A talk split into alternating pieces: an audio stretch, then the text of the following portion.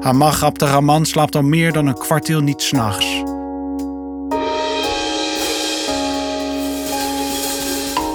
Hij reinigt ramen en repareert ze met hetzelfde gemak.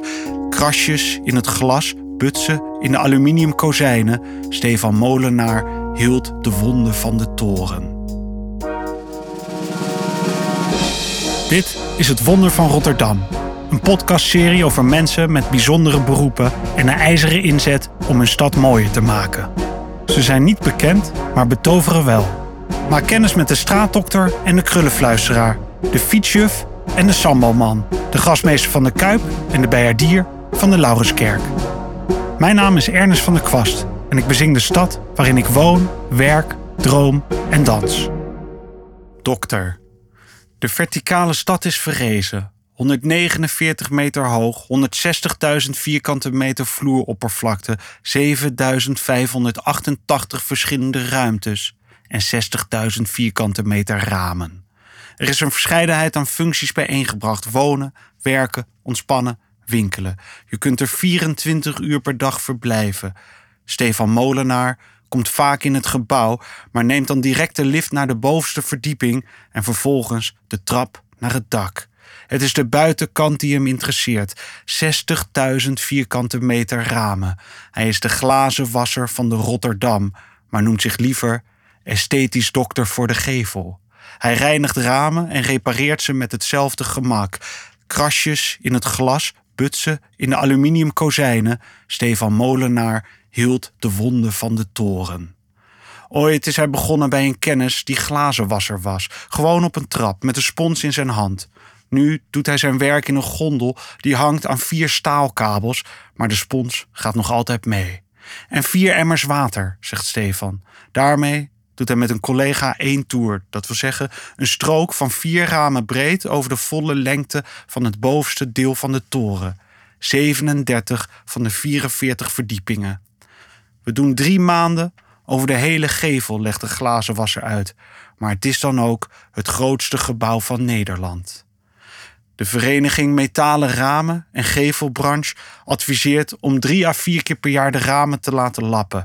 Dat wil zeggen dat als het laatste raam van de Rotterdam is gedaan, het eerste weer aan de beurt is. Het is een advies, vertelt Stefan. Misschien zijn ze ook wel blij met één keer per jaar. Er komen ambtenaren in, zegt hij met een glimlach, en die gaan anders de hele dag naar buiten zitten kijken. Het uitzicht vanaf het dak is overweldigend. De stad als luchtfoto, als een raster van straten. In het centrum rijke torens naar de wolken. Daarachter liggen de woonwijken met her en der een plukje groen of een plasje water.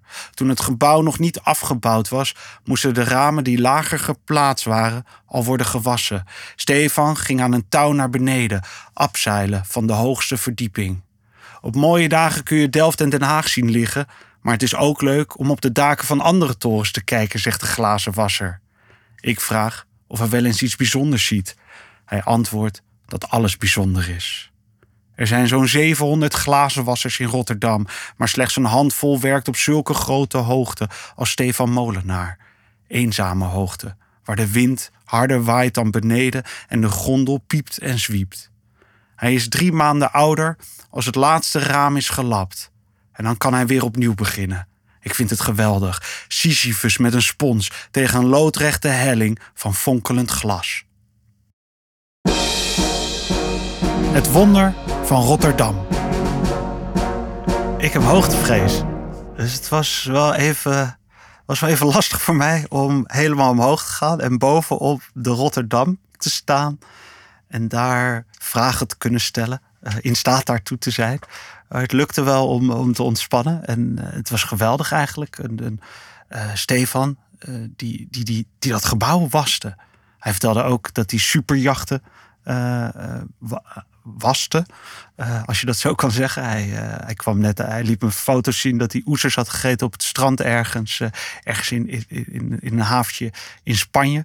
En, en echt zo'n waanzinnig groot superjacht. Volgens mij van Abramovic of iemand die orde van grootte. Dus hij heeft volgens mij een geweldig beroep. Omdat je, ja, je, moet, je moet in speciale. je hangt echt aan een boot of aan een toren.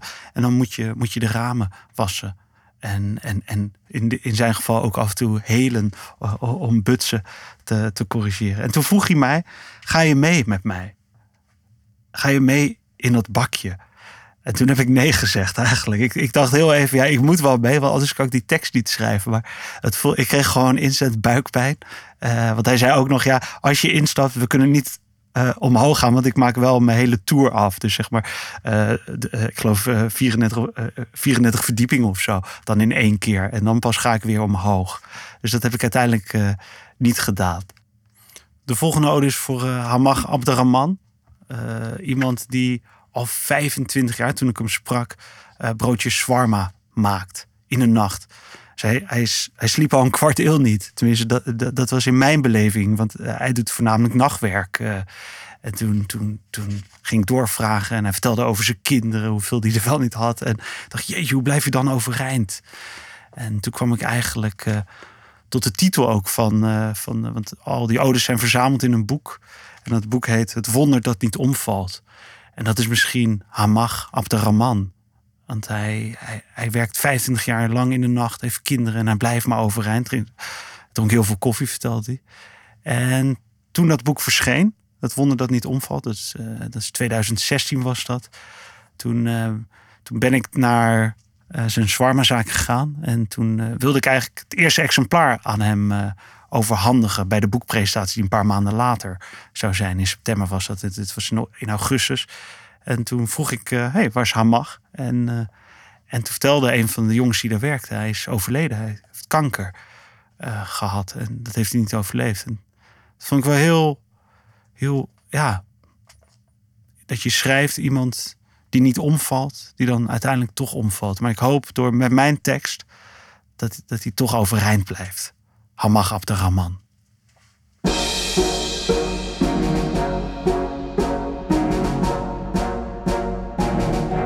Gesteven overhemden.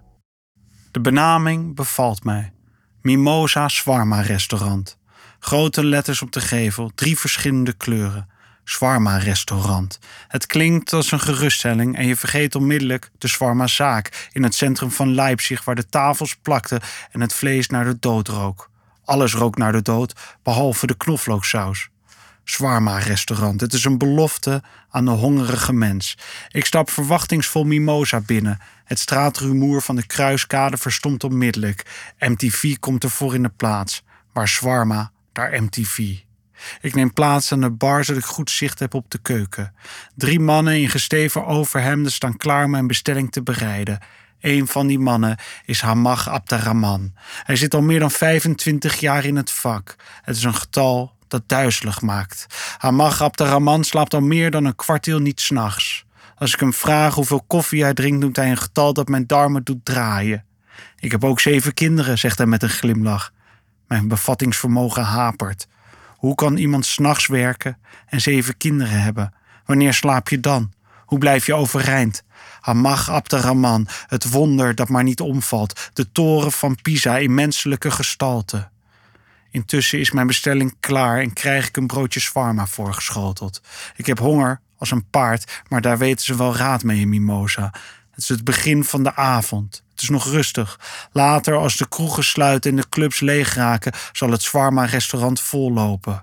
Een eindeloze stroom jongeren die schaft in de nacht. Tussen vier en zes is het spitsuur. Dan vliegen de pita-broodjes over de toonbank. Hamag komt handen tekort. Ik denk aan de volgende dag, het middaguur, als zijn klanten ontwaken. Het opgedroogde zweet van het dansen in hun poriën, de geur van knoflook in de mond. Maar dat zal hij niet ruiken. Dan zal hij nog slapen. Tenminste, als zijn jongste kinderen, een tweeling van tien maanden, de rust respecteren. Maar dat doen baby's meestal niet. Ik blijf bij mijn woorden. Hamag Abdarrahman is het wonder van Rotterdam.